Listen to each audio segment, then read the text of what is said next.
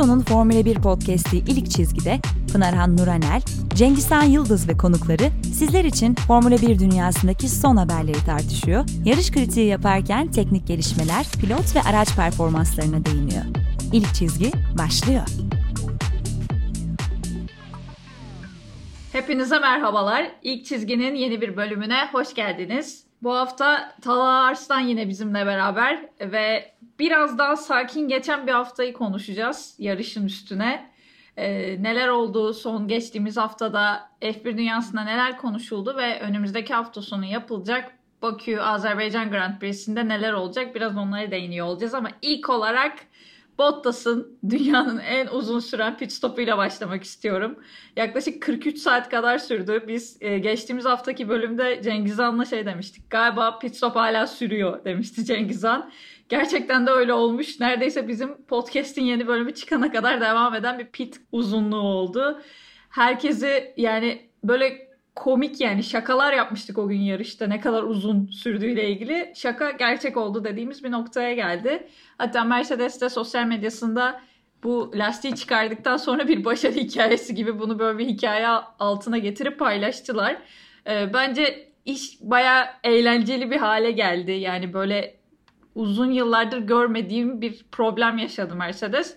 Ve sonuç olarak benim gördüğüm kadarıyla hikaye tamamen şey o e, lastiği çıkaran e, aletle lastikteki kısmın tam birbirine oturmadığı için sıkışması gibi bir durum. Yani evde de herhangi bir şeyi kapatıp açarken yanlış sıkıştırdığınızda açmak çok zor oluyorsa aynı mantık lastikte de olmuş. Yani çok konu neden oldu, nasıl oldu, işte Bottas yanlış yerden bir girdi falan gibi bir sürü konu geçti. Ama aslında çok basit bir hata olmuş. Ee, bizim için de böyle tarihin en uzun piti olarak e, datalara geçen bir konu oldu. Cengiz Han senle başlayalım istiyorsan ne düşünüyorsun bu konuyla ilgili? Geçen hafta da esprisini yaptığım şey dediğin gibi gerçek oldu. Üstünde yarıştan sonra da çok konuştular. Çok şey söylediler. İşte e, Bottas'ı eleştirenler oldu ki ben burayı anlamadım. Yani Bottas ne yapmış? Niye Bottas'ı eleştiriyorsunuz? Yok şurada durdu, yok burada durdu. İşte şöyle oldu. E bütün tekerler çıktı o zaman o niye çıkmadı? Yani burada demek ki bir şey oldu araçla ilgili. Bir şeyler birbirine eridi, yapıştı.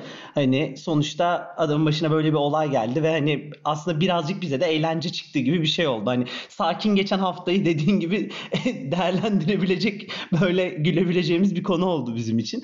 Hani Kayıtlara geçti. İleride gülerek hatırlayacağımız ah böyle de bir şey olmuştu. Kırılması zor olan bir rekor. Bence Guinness rekorları alsınlar. Eklesinler yani dünyanın en uzun pit stopu diye. Daha başka bir şey bulamazlar bununla ilgili. Böyle dediğim gibi ilginç ve büyük ihtimalle bir daha da görmeyeceğimiz garip bir olay oldu bizim için. Talha senin bir düşüncen var mı ya da ekstra okuduğun belki farklı bir şey var mıydı bu konuyla ilgili? Ya bu şey yorumu gerçekten garip duruyor. Bottas'ın suçu var dedikleri şey ama Mercedes e, biraz böyle mükemmeliyetçi bir takım olduğu için aslında haklılık payı var. Çok ufak da olsa. Bottas gerçekten de yamuk durmuş o pitte ben sonra baktığımda. Biraz araç tam düz şekilde durmuyor ve açıklamada şu. E, o bijon tabancası lastiğin somununa tam oturmadığı zaman çok güçlü olduğu için aşındırabiliyor oradaki tutulması gereken yerleri. Ondan sonra düzgün de taksanız çeviremiyor. Çünkü sıkamıyor. Aslında senin dediğine benzer bir şey. O yüzden ama daha ilginç olanı şu bence. Bu Finliler çok şanslı sporda. Keke Rosberg'in bir şampiyonluğu var 80'li yıllarda. Biraz şanslı bir şampiyonluk. Onun acısı önce Hakinen'den çıktı biraz. Sonra Kimi Raikkonen'den çıktı senelerce. Şimdi Bottas. Mercedes'te bir sorun varsa illa onun başına geliyor. Öyle bir durum var. Evet yani 240 saniye falan sürmüş galiba pit stop. Bu, bu da F1 tarihindeki ilginç rekorların arasında yerini alacaktır. Bu en hızlı ceza alma rekoru falan vardı. 2006'da Vettel pit yolunda hız limitini aştığı için 4 saniye miydi neydi? Bu da o, onun gibi garip rekorlar arasında yerini alacak bir rekor oldu sadece. Ve evet Hamilton'a gelmedi böyle bir şey. Onun başına geldi. Var gerçekten bir bir açıklaması olması lazım artık bunun. Ya ben şeye çok güldüm. Bottas bir de post paylaşmış hani bundan geri döneceğim falan diye. Hani geri döneceğim de neyden yani hani böyle çok ciddi bir kaza yaşarsın kendi hatan olur. İşte ne bileyim çok ciddi bir zafer geldi. Çok trajik komik bir hikayeydi bence yani. Öyle bir şeyden geri dönmek de komik tabii ama eminim fabrikada incelemişlerdir. Bu da F1'in tatlı taraflarından biri bence böyle hala garip garip şeyler görebiliyoruz böyle ufak tefek hatalar. Muhtemelen dediğin gibi Talha ufak bir somun Böyle orada bir şey oluyor. Çok basit bir hata belki yani hiç kimsenin öngöremeyeceği kadar bir konu yani teknik bir konu da yok belki içeride. Ama biraz Mercedes telaş yaptı tabii muhtemelen. Bu uzun sürece çıkaramayınca nereye nasıl anlatalım, nasıl çıkartalım bu konuyu gibi e, bir sürü sebep buldular. Muhtemelen hepsinin de etkisi vardır bu arada bence. Yani tek bir konuya bağlı değil. Bu kadar tesadüf ancak yani birkaç bir şeyin ardarda olmasıyla yaşanmıştır diye düşünüyorum.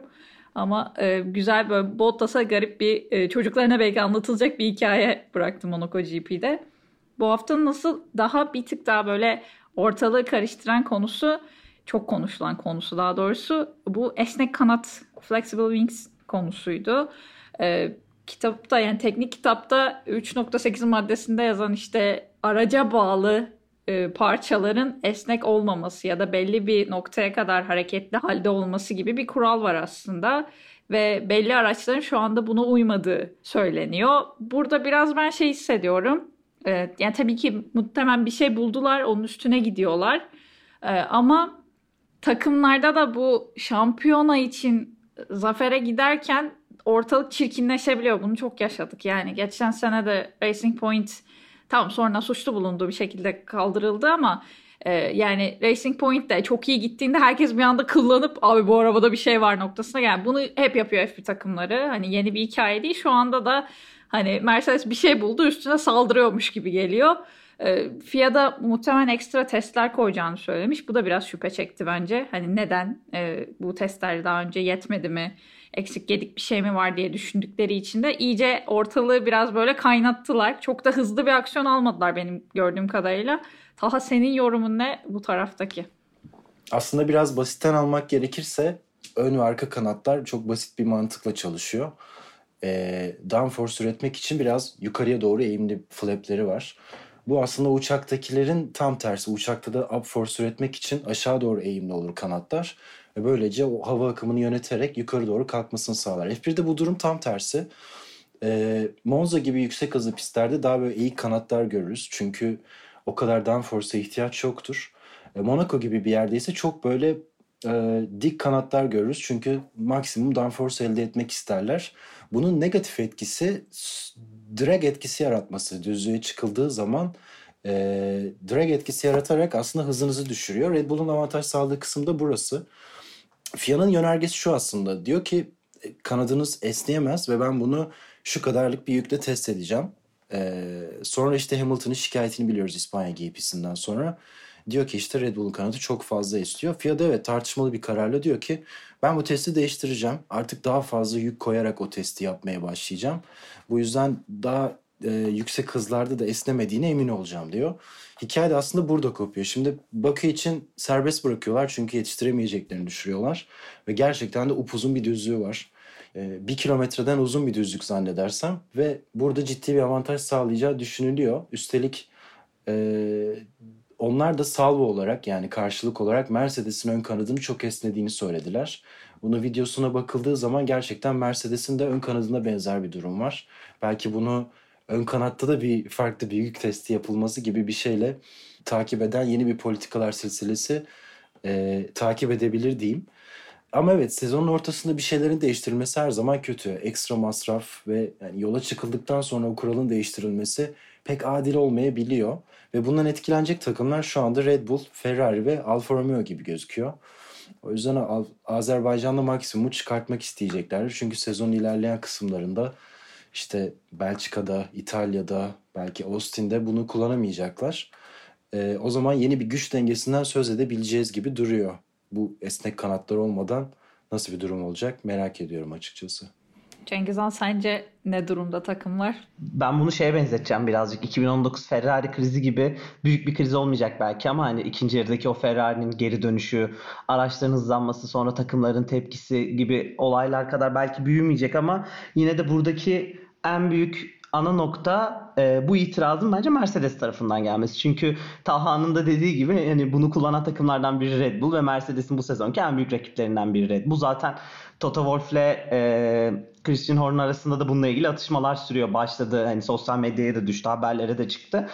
E, buradaki ana kritik noktalardan biri de yani FIA'nın yine sonrasında bunu ele alıyor olması. Ee, yani bunu sezon içinden erteliyor olması. Tabii bunlar sezon ortasında belki çıkıyor ama sonuçta takımların yapmış olduğu bir masraflar var ve bu sezon özelinde biliyorsunuz hani herkes yapabildiği kadar az bir harcama yapmaya çalışıyor. Çünkü e, herkes kendisini 2022 hazırlıyor. Bunu sürekli söylüyorlar. Böyle bir durumda e, şimdi tekrar testlerin yapılması, takımların bu konuda tekrar değişikliğe zorlanılacak olması takımlar için büyük bir masraf ki zaten yanılmıyorsam Ferrari'den de bununla ilgili bir itiraz geldi. Hani bizim zaten buraya harcayacak çok paramız yok şimdi hani bir de bunu başımıza çıkarmayın gibisinden. Yani öte yandan tabii e, FIA'nın da bunu istemesi belki birazcık Mercedes'in itirazı ama birazcık da e, güvenlik açısından hani siz de takdir edersiniz ki ne kadar o kanatlar bir tık daha ağırlaşırsa e, kaza riski işte tehlikeli kaza riski de bir tık o kadar azalıyor. E tabi bu ama e, aracı da ağırlaştırıyor ve aynı zamanda yavaşlatıyor. Yani hem olumsuz etkiliyor hem bir yandan da güvenliği arttırıyor. Yani aslında birazcık karmaşık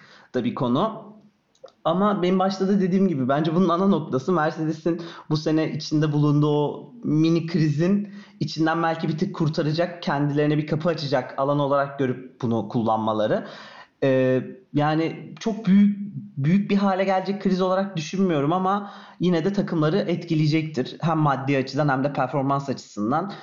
Ee, Mercedes'in işte bunu niye Bakü öncesi yapmıyorsunuz da Fransa GP'sinin öncesinde yapacaksınız itiraz tabii onların bir tık daha avantaj kazanma istemesinden de geliyor. Ama günün sonunda e, bir şeyler değişecek gibi duruyor. Bu da Ferrari, Alfa Romeo ve sizin de dediğiniz gibi Red Bull'un zararına olacak büyük ihtimalle. Tarafta Toto Wolff de Christian Horner da ikisi de politikayı çok iyi biliyorlar. E, F1'de ara ara görüyoruz bu tarz politik hareketleri. Biraz böyle e, karşı tarafı demoralize etmek için de işte iş vaktini çalmak için de e, bütçesini çalmak için o kadar ileriye giderler mi bilmem ama yani sonuç olarak e, bir sürü takım belki teste girecek. Kendi bütçelerinden de gidecektir muhtemelen. E, gitme ihtimali olabilir ya da yarın bir gün. E, ama yani Christian Horner'ın da bunun altında kalacağını ben düşünmüyorum. Kesin onlar da bir şeyler bulurlar. Başka bir şeylere itiraz edip yine başka bir konuyu çıkartırlar.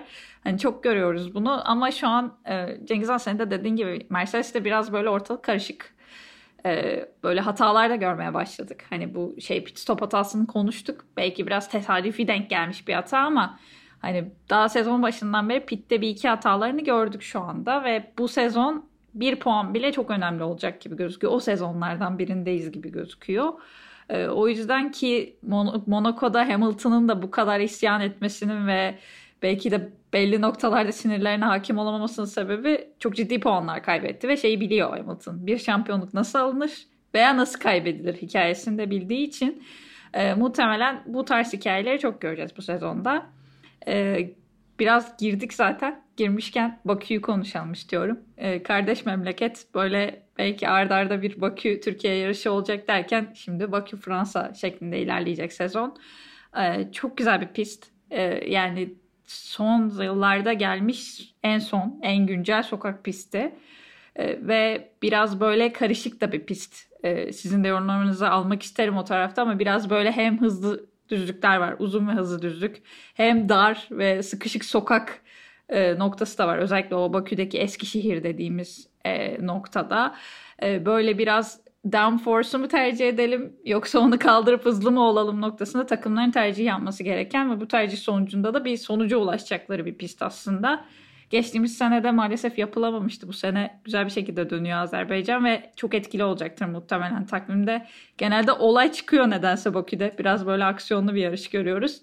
Bu hafta sonu beklentilerimiz nedir o tarafta? 2018'deki yarışa gitme fırsatım olmuştu. Çok güzel bir şehir öncelikle ama sadece pistin yapıldığı kısım çok güzel bir şehir. Dışarı kısımlar çok kötü bir şehir. Bakü öyle değişik bir yer. Bir açıdan İstanbul'un belli kısımlarına da benzetebilirsiniz bu iki tarafı da. Ee, dört kere yarış yapıldı orada. İki tanesi bence sıkıcıydı. Dördü birden çok eğlenceli değildi. Kendi fikrim. 2017 ve 8'deki gerçekten çok eğlenceli yarışlardı. Ee, 2018'de hatta bu çekici kamyon çıkmıştı Grosjean için. Hatırlarsınız üstünde Allah korusun yazılı vesaire. Tribündeki herkes gülmüştü. Çok fazla Türk, çok fazla Azeri vardı. E, pist aslında hani Kanada'nın bir benzeri. Uzun düzlükler, e, yavaş virajlar ve zorlayan fren noktaları. E, düşükten force'la çıkmayı tercih ediyorlar genelde takımlar ve e, sorunlardan bir tanesi de aslında fren dengesini ayarlamak. Çünkü upuzun bir düzlük var ve frenler çok soğuyor. E, o düzlüğün sonundaki yavaş virajdan dönebilmek için aslında optimal bir dengeyi yakalamak zorunda kalıyorlar. E, kimin hızlı olacağını kestirmek zor açıkçası ama Red Bull'un bir düzlük avantajı olacağını biliyoruz e, esnek kanat sayesinde. E, yavaş virajlarda hızlı olduklarını biliyoruz. Monaco'da bunu gördük zaten. Ve Hamilton'ın yorumuna göre Bakü'nün bir Red Bull pisti olması bekleniyor. Yani sadece onun yorumuna göre e, onlara daha uygun gibi bir demeci olmuştu. Tabii buna inanacak değiliz direkt ama yine başa baş bir yarış geçmesini bekleyebiliriz. Çok farklı bir şey göreceğimizi zannetmiyorum. E, iki sıkıcı, iki eğlenceli yarış. Umarım eğlenceliye yakın bir yarış olabilir. Benim asıl merak ettiğim orta grupta Ferrari'nin hızı devam edecek mi? Çünkü belli açılardan şeye yakın bir pist, Monaco'ya yakın bir pist ve oralarda yine yavaş hızlı virajlarda iyi olabilirler.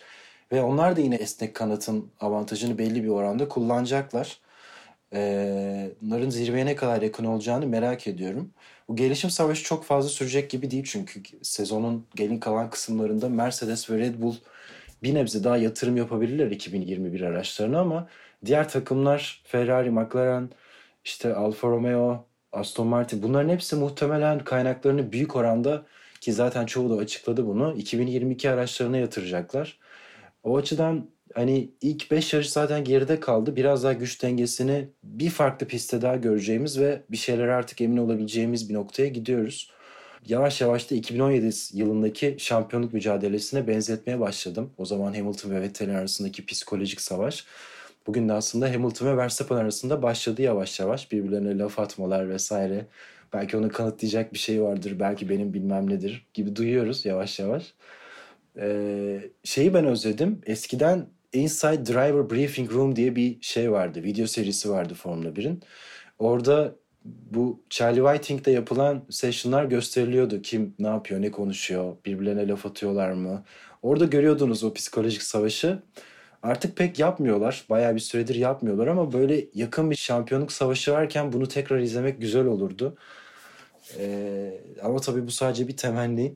Yapmayacakları muhtemel. Yani öyle bir umut, öyle bir ışık vesaire yok. Yarış olması her zaman güzel. Geçiş olan bir pist olması da güzel. Monaco'dan sonra böyle bir faktör de ekleyebiliriz.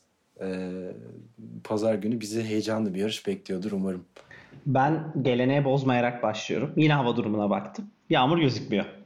Şimdilik temiz. Tabii hafta bize ne getirir? Podcast perşembe yayınlanacak. Bir şeyler değişir değişmez bilmiyorum ama geleneği bozmadık. Yağmur gözükmüyor. Öte yandan hani ben geçen hafta da söyledim. Monaco'dan sonra en sevdiğim ikinci pist Bakü. Ve ben de biraz sokak pisti aşkı var ve eğlenceli buluyorum ama e, Monaco'nun Monaco'dan ziyade Bakü'nün oraya göre bir artısı Azerbaycan'da olması ve e, işte az önce de Talhan'ın söylediği gibi düzlükler, daha fazla geçiş, bir tık daha heyecan gibi yarış e, izlenimlerinin olacağı. Ama şimdi ben de e, ilk Ferrari ile başlamak istiyorum. Ferrari hani Monaco'da güzel bir hava yakaladı. Belki Leclerc'in başına bunlar gelmeseydi çok daha e, böyle heyecanlı, cesaretli bir Ferrari olarak geleceklerdi bakıyor. Ama tabii istediğin kadar cesaretli ve heyecanlı gel. Sonuçta e, ortadaki araba belli. E, yapılabilecekler belli. O yüzden hani ben yine bir tık hızlı kalabileceklerini yani McLaren'le bir işte Portekiz'e göre bir Imola'ya göre belki daha iyi çekişebileceklerini ama yine de böyle ekstrem belki de podyuma oynayan e, bir Ferrari olacağını düşünmüyorum bu yarışta.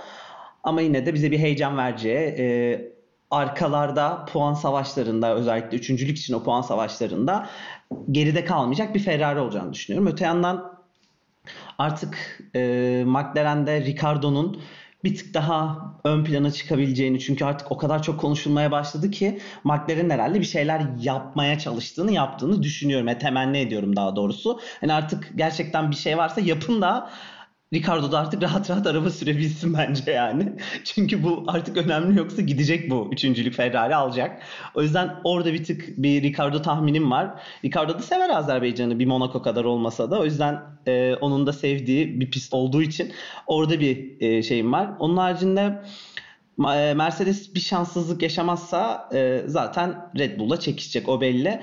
Podcast'ten önce aramızda da konuştuk kayda girmeden önce. E, bir Perez konusu açıldı. Hani Perez'in performansının yükselişi zaten ortada. Monaco'da da bunu gösterdi. Tabii Monaco tam belki bunun göstergesi değil ama ben bu yarışta size katılıyorum. Perez'in podyum zorlayacak, podyum alma ihtimali olabilecek bir yarış olabilir belki Perez için ve bu eğer gerçekleşirse e, şampiyona yarışında hem Verstappen'in kendi şampiyonluğu için hem de takım şampiyonluğu için Red Bull'a çok büyük bir güç katacaktır. Red Bull'u çok daha fazla güçlendirecektir ve e, nasıl Ferrari geçen yarış Monaco'dan cesaret ve şey güç aldıysa bu da aslında Red Bull'un e, cesaretle güç alacağı bir yarış olacak belki bizim için. Onun haricinde seyirci olmamız tabii kötü. Seyirci olmasını isterdik. Seyirci görmeyi isterdik. Çünkü e, her spor seyirciyle güzel ama F1 seyirciyle çok daha güzel bir spor. O yüzden seyircisiz olması bir tık kötü. Öte yandan hepimiz televizyonlar başında olacağız ve e, bakalım nasıl bir hafta sonu geçireceğiz. İnşallah Talha'nın tahminleri doğru olur. Üçüncü eğlenceli yarışı izleriz. Biz de televizyon başında keyif alırız yarışı izlerken. Ben bu arada aklıma şey geldi Talha. Ben de 2017'de gitmiştim yarışa. Şeye çok şaşırmıştım. Biz pazartesi akşamüstü dönmüştük Türkiye'ye yarıştan sonra. Pazartesi de sabah böyle dolanmıştık şehirde. Pist tarafında diyeyim. Hala pistin yolları kapalıydı. Böyle yani pist alanlarına o Bakü'nün mor e, reklam panolarıyla kapalıydı ve şeyi hayal ettim. İstanbul'da bir sokak pisti olduğunu ve pazartesi günü hala açılmamış olduğunu hani muhtemel ülkede iç savaş çıkardı. Hani bu sene Red Bull geçtiğimiz sene Red Bull geldiğinde o köprüden geçerken bile trafik konusunda isyan çok fazlaydı. Hani o anlamda şey e, şehirler arası farkı da görmüş oldum. Kimsenin gıkı çıkmıyordu ve herkes rahattı. Ee, belki biraz sahil tarafı olduğu için trafik o tarafta akmıyor olabilir ama gerçekten beni çok şaşırtmıştı o. Hala bir şekilde pistin toparlanmamış olması. Ben geçen bunu düşündüm. Şimdi e, sen sokak pisti deyince İstanbul'da bir sokak pisti olsa bir yarış olsa nasıl olur diye. Hatta kafamda pisti falan çizdim böyle işte Kennedy Caddesi'nden sahilden geliyorlar falan böyle. Hani böyle dolanıyorlar ve İstanbul'da bir sokak yarışı oluyor böyle. Sizce nasıl bir heyecan katardı ya da böyle bir şey olsa cidden böyle fark yaratan bir pist olur muydu sizce? Böyle bir anda atladım konuya girdim alakasız ama şu an açılınca konu aklıma geldi. Ya bence İstanbul'la ilgili, daha doğrusu Türkiye Grand Prix'si ile ilgili iki senaryo var hep herkesin aklında. Bir Antalya'da yarış olsa kesin dolardı şeyi, senaryosu. Bir de işte bu sokak pisti. Çok duydum bunu ama sokak pisti sanki biz altından kalkamayız gibi geliyor bana. Yani üç gün üst üste sokaklar kapanacak İstanbul'da. Ee, yani çok bölünürdü şehir gibi hissediyorum bu konuda. Üç günde değil. Hani aylarca hazırlık yapılması falan gerekecek. Yani bizim şehir gerçekten kaldıramaz herhalde. Ben de pek ihtimal vermiyorum ama ikonik şeylerin etrafından geçen bir pist olsa harika olurdu. Mesela Bakü'deki yarış şöyle. Onların da bir kız kulesi var. Bu Leclerc'in geçen yıl değil önceki yıl kaza yaptığı kısımda gözüken o kule aslında şehrin en ikonik şeylerinden bir tanesi, yapılarından bir tanesi. Ee, öyle bir şey bizde olsa herhalde herkes şeye doyardı, şehre doyardı. İlginç olabilirdi gerçekten iyi bir fantazi ama aynı açıdan yapılamayacak da bir fantezi. Çok ütopik geldi kulağa. Tamam. Biz bir şekilde yarışı alalım da nerede yapılırsa yapılsın. Ben yani hiç fark etmez. Ben düşüncemi geri alıyorum kurt, o zaman. Kurt, Sadece kurt, attım ortaya. Kırt, kırtkaya, kırtkaya yapılsa yeterli benim için. Evet ki buradan tekrar şey dualarımızı edelim o zaman geri gelsinler de. bu arada bu hafta şeyi de gördüm.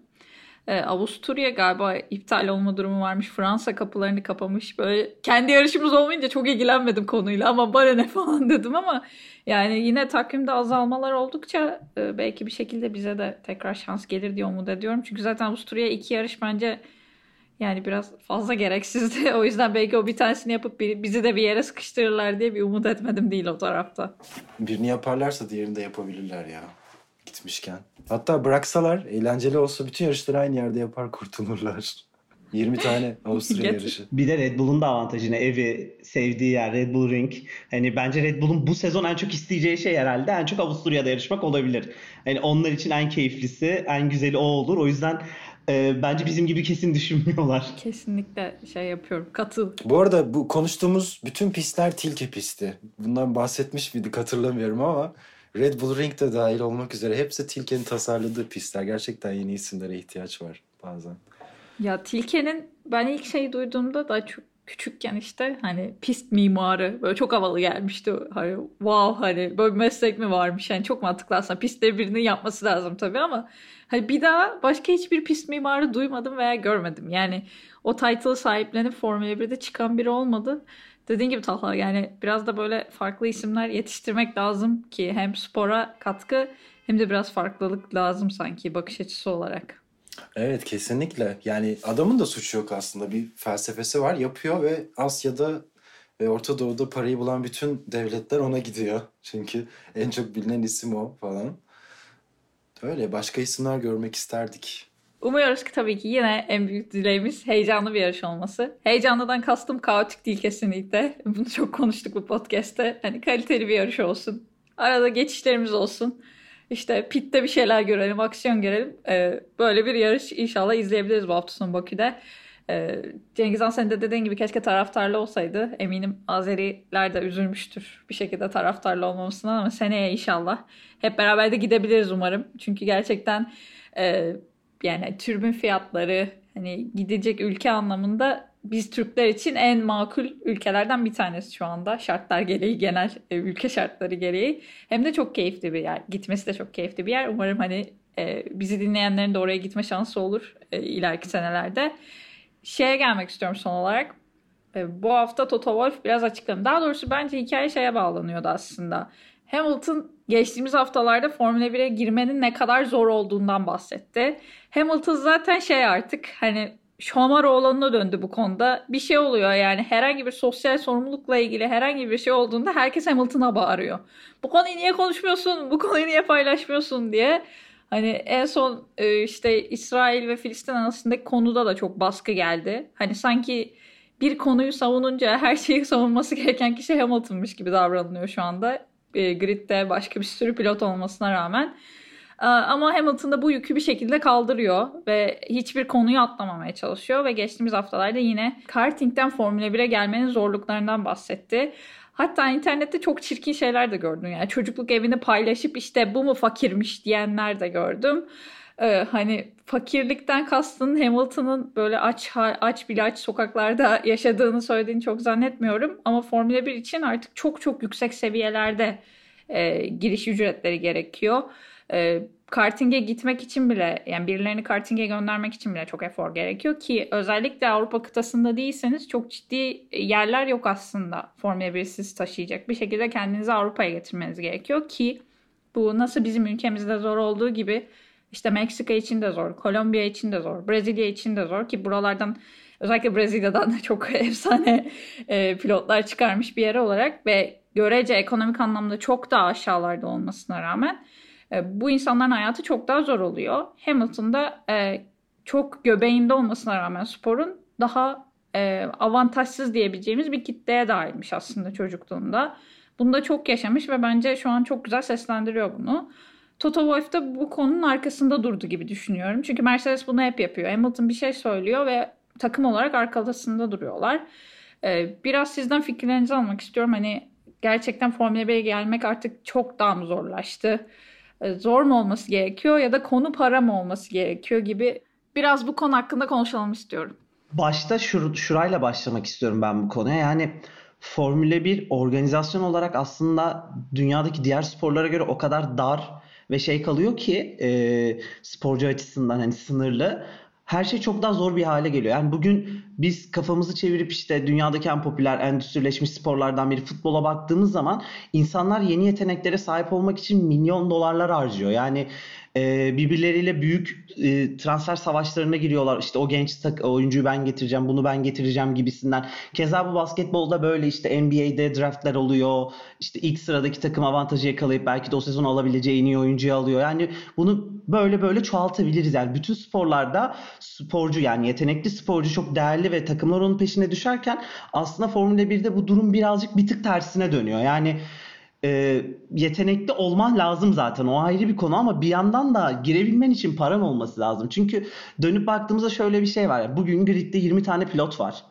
E, ve dünyada bu sporu bu seviyede yarışabilecek sadece 20 pilot var anlamına geliyor bu. Yani çünkü bunun bir altı direkt Formula 2 oluyor. Yani IndyCar'ı bir kenara bırakıyorum ya da diğer organizasyonları Formula 1 olarak baktığımızda E bu ne demek oluyor? Yani e, yine futbola döneceğim ama atıyorum dünyada 100 tane yetenekli, üst düzey yetenekli futbolcu oynayabileceği farklı takımlar varken dünyada 100 tane yetenekli Formula 1 pilotunun yarışabileceği 100 tane Formula 1 takımı ya da aracı yok maalesef. Bu da her şeyi biraz daha sınırlı hale getiriyor aslında. Burada da ne oluyor? Ee, buraya ulaşmak aslında çok daha değerli bir yere geliyor. Yani çok daha üst düzey, çok daha zor e, erişilebilmesi daha üst seviyede kalan bir noktaya gelince bu sefer işin içine para giriyor. E, işin içine para girdiği zaman parası olanın düdüğü çalmaya başlıyor. Yani biz hep diyoruz mesela kendi kendimize neden işte bu seviyelerde hiç Türk Formula 1 pilotu ya da e, Türk bir pilot görmüyoruz. Yani Formula 1 bile değil, Formula 2 olsun. Geçen sene Formula 3 Asya'da Cem'i izleme şansı bulabildik ki gerçekten mükemmel bir performans ortaya koydu. Yanılmıyorsam yılın rookielerinden biri seçildi. E, böyle bir durum varken demek ki e, Türkiye gibi onlarca ülke var Pınar'ın da bahsettiği gibi mesela Brezilya'dan onca yetenek çıkıyor yani Brezilya'nın Türkiye'den çok da bir fark yok baktığımızda. Sadece burada sporcuların önü kesilmiş oluyor. E burada da işin içine dediğim gibi para girdiği için bu oluyor. Yani ben yanlış buluyorum bu düşünce yani parası olanın yapabileceği bir spor olduğu için ama bir yandan da herkes çaresiz olduğu için çok sınırlı bir e, pilot sayısı olduğu için de çözülebileceği tek alan aslında para oluyor herhalde ki bu, buna başvuruyorlar. E, bu sayede spor gerçekten çok pahalı ve e, çok büyük harcamaların olduğu bir spor olduğu için takımların da aslında birazcık işine geliyor. Çünkü bir şekilde kendi harcamalarını bu şekilde kapatabiliyorlar. Nasıl Formula 1'deki takımların onlarca farklı sponsoru varsa o kadar paralar dönüyorsa alt taraflarda da e, bunları karşılayabilmek için bir şekilde paraya ihtiyaç duyuyor ve bu kaynak da bu şekilde sağlanmış oluyor. Yani bence birbirine çok fazla bağlı e, bir çark gibi bu ve hepsi birbirini çeviriyor. O yüzden de günün sonunda bu çarkı en hızlı ve en sağlam çalıştırabilecek sistem bu olduğu için böyle ilerliyorlar. Ya bunu nasıl değiştirebiliriz? İşte şu an belki Formula 1, Formula 2, Formula 3 var. İkinci bir Formula 1 mi yapacaksın? Ya değiştiremezsin gibi geliyor. Bence ikinci bir Formula 1'i de çıkartamazsın bu sefer var olan organizasyonun değeri bir tık daha azalır. Yani böyle bir şey olması çok mantıklı bir şey değil ki hani ben de şahsen desteklemem. Tamamıyla bir çıkmaz, bir e, ucu olmayan, sonu olmayan yani içinden çıkılamayacak bir durum gibi geliyor bana. Ya insanlar şeyi çok sevmiyor ya hani paralı pilot kavramı işte Stroll, Mazepin, önceden Sirotkin vesaire. Aslında bir açıdan herkes paralı pilot. Hepsinin bir şekilde desteği var. Hamilton da 12 yaşında Ron Dennis'le tanışmasaydı burada olmazdı. Babasını kaldırabileceği bir maddi yük değil ve e, maalesef sporun doğası bu. Zaten onların eleştirisi de Hamilton ve Wolff'un eleştirisi de maliyetlerin çok fazla olması ve bunun biraz daha erişilebilir olması, daha fazla yeteneğin kendini gösterebilmesi için. Şimdi birkaç tane not var hakkında. Hamilton'a dönecek olursak ilk olarak bu tepkiyi almasının sebebi hani bu konuda da konuşsana, bu konuda da konuşsana diye insanların dürtmesinin sebebi aslında geçen seneki bu e, diz çökme şeyinde, diz çökme seremonisinde insanları çok fazla ikna turuna çıkması, çıkmayanları, haklı sebeplerle çıkamayanları da basının önüne atması. Mesela bunlardan bir tanesi de Grosjean'dı hatırlıyorum. Ee, bu şeyi alması sebebi biraz bu. Bu da çünkü biraz insanlar şey diye düşünüyor. Bu da önemli bir konu. O zaman bu konuda da konuş diye düşünüyor olabilirler. Ee, şimdi aklımda başka bir not daha var. O da Leclerc'e soruyorlar. Bugüne kadar alt serilerde yarıştığın en şey pilot kimdi? En yetenekli pilot kimdi diyor diyorlar. O da cevap veriyor. Verstappen ve Albon'du diyor. Şimdi bir tanesi şu an Red Bull'un umudu. Şampiyonluğu belki alacak isim bu sene. Bir tanesi koltuk bile yok elinde. Ee, yani demek istediğim biraz şans da sizin elinizde oynamalı. Gerçekten bir jenerasyon değişiminin olduğu yerde hazır olmalısınız. Ortasında çünkü boş koltuk bulamıyorsunuz. Hülkenberg de mesela onlardan bir tanesiydi eskiden. Şu an Albon da onlardan bir tanesi. Gazi bir şans buldu ama Verstappen'in yanında yapamayacaktı. Yapamadı vesaire. Ee, bir herhalde bir sürücü olabilmek için, dünya şampiyonu olabilmek için şansınızın çok fazla yaver gitmesi gerekiyor hem finansal destek bulmak hem doğru koltuğu bulmak hem doğru zamanda bulmak o koltuğu vesaire gibi birçok faktör var ve Cengiz Han da dediği gibi çok az çok az koltuk var. Bu yüzden Mazepin dahil, belki Mazepin dahil olmayabilir ama Grosjean ve Magnussen dahil şu an gridde olan ya da geçen sene olan herkese saygı duymak zorundayız. Yani bu bana çok tartışmasız geliyor. Bazen dört kez dünya şampiyonu olmuş bir insan yerden yere vuruldu. Çöp bu, çöp bu, çöp bu diye. Yani hiçbirimizin o kadar anladığını düşünmüyorum. O içeride olma hissini çünkü yaşayabileceğimiz bir durum değil. 300 kilometre hızdan 50'ye düş, düşüp viraj dönüyorlar ve aldıkları G kuvveti 5-6 kat vücutlarının 5-6 katı ağırlığında. O yüzden bazı konularda fikir yürütmek dışarıdan biraz ukalaca kaçabilir. Ama evet spor adaletsiz bu her taraftan görülüyor. Ve F1 de aslında buna biraz çanak tutuyor. Mesela bu eşitliği sağlayacakları yerde mesela en basitinden haloyu bütün alt serilerde yaygınlaştırabilirler. Alt, seri, alt serilerde çünkü ölümler çok fazla oluyor. Bunu bütün serilerde yaygınlaştırabilirler. Daha eşit olanaklar sağlamak için bir şeyler yapabilirler. Ama bunun yerine kafalarındaki plan Amerika'da ikinci bir yarış yapmak ve grid'e Amerikalı bir pilot sokmak. Yani sorsanız We Race S1 diyorlar ama tam tersi bir şey var. Ya bir eşit eşitlik, böyle adalet, böyle işte bunun gibi inclusiveness, equality gibi bir şey kelime yoğunluğu var şu an Formula 1'de ve bana biraz boş geliyor altı. Çünkü böyle burası böyle bir spor değil. Parayı basanın şeyi aldığı bir spor burası. Maalesef koltuğu aldığı bir spor. Ee, ama doğası da bu şekilde maalesef. Çünkü eskiden beri aslında ticari kaygı giden bir, giden bir spordu. 1894'teki ilk yarıştan beri amaç araba üretmek ve onu satmak aslında. insanları tanıtmak ve satmak. Yol otomobilini satmak. Ee, bu yüzden de kimin aslında gridde gerçekten en hızlı sürücü olduğu vesaire o kadar önemli olmayabiliyor. Ee, bunu gördük mesela bu sene Haas Mazepin yerine Hülkenberg'i tercih etmek için yüzlerce sebepleri vardı. Ama etmediler çünkü Mazepin resmen aracı, Amerikan aracını Rus bayrağıyla donattı adam. Ee, Ural Kalı şeklinde. Bir tane de ufak One and One diye logo var. O da Schumacher'in sponsoru. Alman bir telekomünikasyon devi. Ee, böyle bir spor burası. Ya babanız çok famous ya da işte bilinen bir F1 sürücüsü olacak ve onun bağlantıları sayesinde bir şeyler kovalayacaksınız. Ya da şansınız yaver gidecek ve iyi bir sürücü akademisinde sizi keşfedecekler. Ya da babanız çok çok zengin olacak ve o bütün alt serilerdeki masraflarınızı karşılayabilecek hale getirecek ki bir şeyler sizin için yolunda gitsin diye düşünüyorum. Yegane fikrim. Ben şeye çok katılacağım öncelikle. Ee, son böyle iki aydır falan birkaç tane HR dahilinde bir iki görüşmeye katıldım. Yani böyle bir webinar tarzı Formula 1'e nasıl girilir ya da motor sporlarına nasıl girilir diye. Ve genelde soru alıyorlar bir şekilde işte Zoom'dan böyle bir şekilde. Ve çok şey diversity source çok geliyor. Yani nasıl bizim yaşadığımız gibi muhtemelen başka ülkelerde işte Güney Afrika'dan e, işte Asya'dan böyle bu, bu işi yapmak isteyen insanlar hep şey soruyor. Diversity konusunda ne yapıyorsunuz diye. Ve bunları böyle şey hani kenar köşe mahalledeki motorsporlu takımlarına değil yani büyük Formula 1'deki takımlara soruldu bu sorular ve içi dolu bir yanıt gelmedi. Yani genelde zaten bir şirketin diversity üstüne e, farklılıklar üzerine bir standartı, bir hukuku varsa HR tarafında, insan kaynakları tarafında bu e, zaten şeydir. Sitelerinde de bulunur. İşte ya atıyorum %20'ye %80 kuralı vardır. Hani %80 standart alım yapar.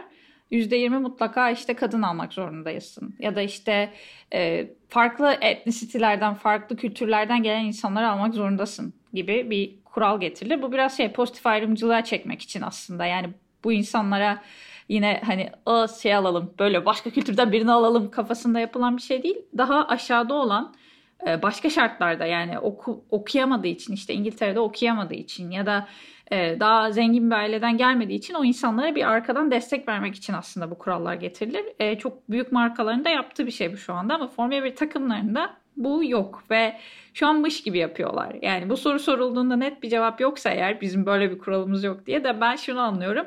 Demek ki içeride böyle bir kural yok. Hani şansın yaver gider ve çok iyi bir şekilde yani en iyisi olursan hani bir şekilde İngiltere'de okuyan birini geçip sana sponsor vize parası vermeye okeyse takım ki bu da çok ciddi masraf aslında takımlar için özellikle bu kadar budget kata gidilen bir dönemde ee, ben hani bu taraftan böyle bir şey olmadığını olsa zaten bangır bangır söylerlerdi çok eminim yani. Çünkü muhteşem PR hani çıkıp böyle Allah biz şöyle şöyle diversity yapıyoruz diye anlatırlardı. O yüzden Talha sana bu bir race sezonunda çok katılıyorum. Ee, bu aynı şekilde pilotlara da böyle davranılıyor sonuçta. Hani oraya bir şekilde kendini atabilirsen Ne ala atamazsan e, yapacak bir şey yok. Çok iyi bir pilot bile bizim haberimiz bile olmuyor belki. Çok yetenekli ki Cem bunlardan e, biri muhtemelen. Yani belki de o koltuklardan birini ileride hak edebilecek bir isimdi ama çok çok kolay olmayacak muhtemelen o yolu şu an e, buradan geldiği için.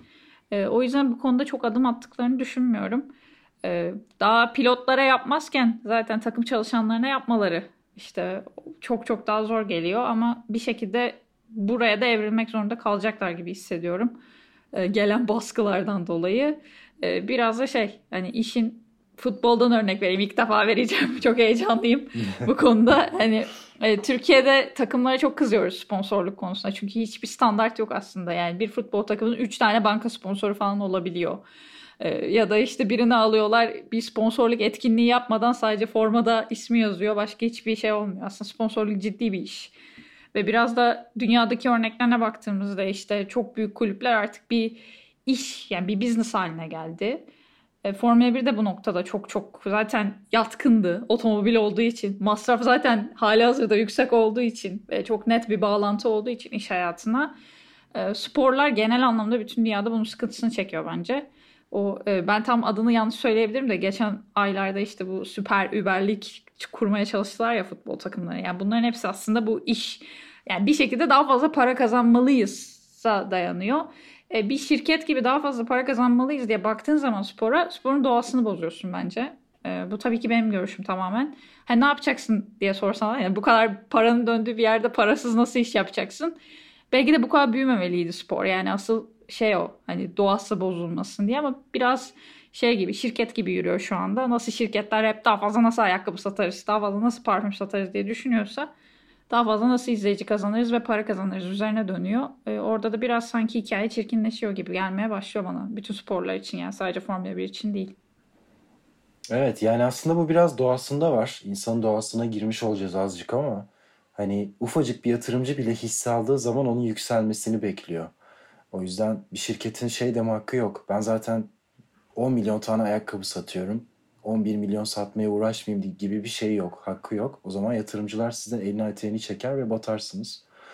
Bu, bu temel bir kural. O yüzden aslında bu paranın her şeyi dikte etmesi normal bir şey. Çoğu sektörde.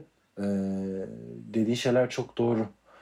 Ee, bir şey yapsalardı, yapabilselerdi bu konuda gerçekten onu gösterirlerdi. Onun yerine birkaç tane slogan görüyoruz sadece. Bu arada Cem'in hikayesini de ben dinlemiştim. Bir bir videoda karşılaşmıştım. Hangi neredeydi hatırlamıyorum ama Şeyde bölüyorum bir anlatan adam diye bir YouTube kanalında anlatıyordu.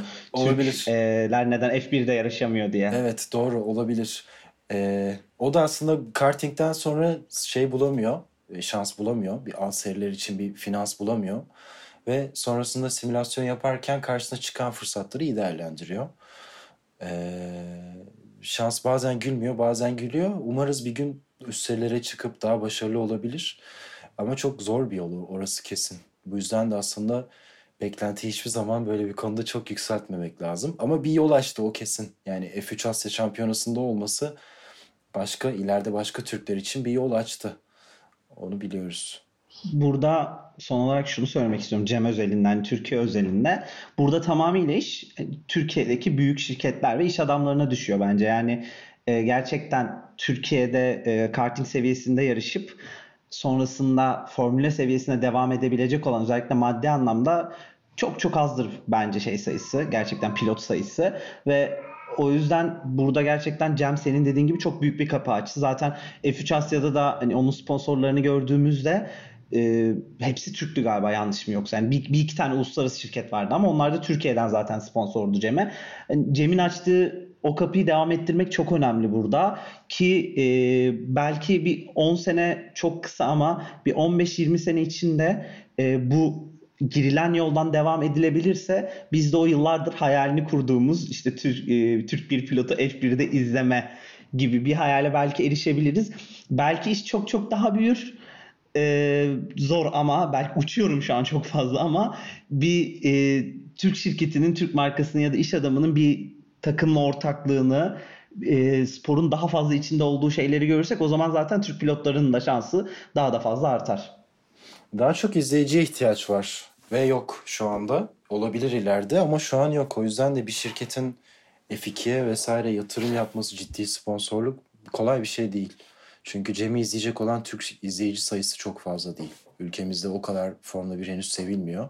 Bu da aslında o sponsor bulmayı zorlaştıran bir etken. Yani gridin Alman, Fransız, İngiliz, Brezilyalı vesaire de olmasının sebepleri var. Bunlar da çok fazla insanın o ülkelerde o sporu izlemesi. Diyeceksiniz şimdi Leclerc nasıl Monaco'dan çıktı geldi ama o da evet yani sonuçta biraz şans biliyoruz. Hani oralarda o desteği bulmak daha kolay o ülkelerde ve Leclerc de biraz aslında Bianchi'nin e, kendisini Ferrari sürücü akademisine şey yapmasıyla tanışıyor. Hani böyle biri var almak ister misiniz diyor bayağı bildiğimiz. Götürüyor fabrikaya ve öyle tanışıyor aslında. Ee, zor. Önce daha fazla kişinin bu sporu sevmesi lazım Türkiye'de. Daha fazla kişinin izlemesi lazım ki iş insanları için daha çekici olsun. Ama şu ana kadar desteklerini esirgemeyen şirketlerden de yani onlara da teşekkür etmek gerekir. Belli ölçüde bu işe yatırım yaptıkları için teşekkür etmeliyiz bence. Jules Bianchi de son yıllarda Formula 1'de aslında en üzücü ve trajik şekilde kaybettiğimiz isimlerden biri oldu. Onu da almış olalım buradan. E, maalesef böyle trajik kazalar yaşanabiliyor. Bu hafta sonu motorsport dünyasını aslında yüzen bir kayıp da MotoGP'den geldi. Jason Dupasquier e, hayatını kaybetti. O da e, hepimiz için üzücü oldu. Pistte e, kaybedilen her isim aslında hepimizi yaralıyor. E, tabii biz sadece seyirci olarak bakıyoruz ama işte aileleri, çevresindeki herkes üzüyor. Umarız hani bütün motorsporları dalları için güvenlik her gün daha çok artar. Çok da bazen sorgulamamak gerekiyor. O yüzden işte yapılan değişiklikleri genelde bir şey düşünülerek yapılıyor.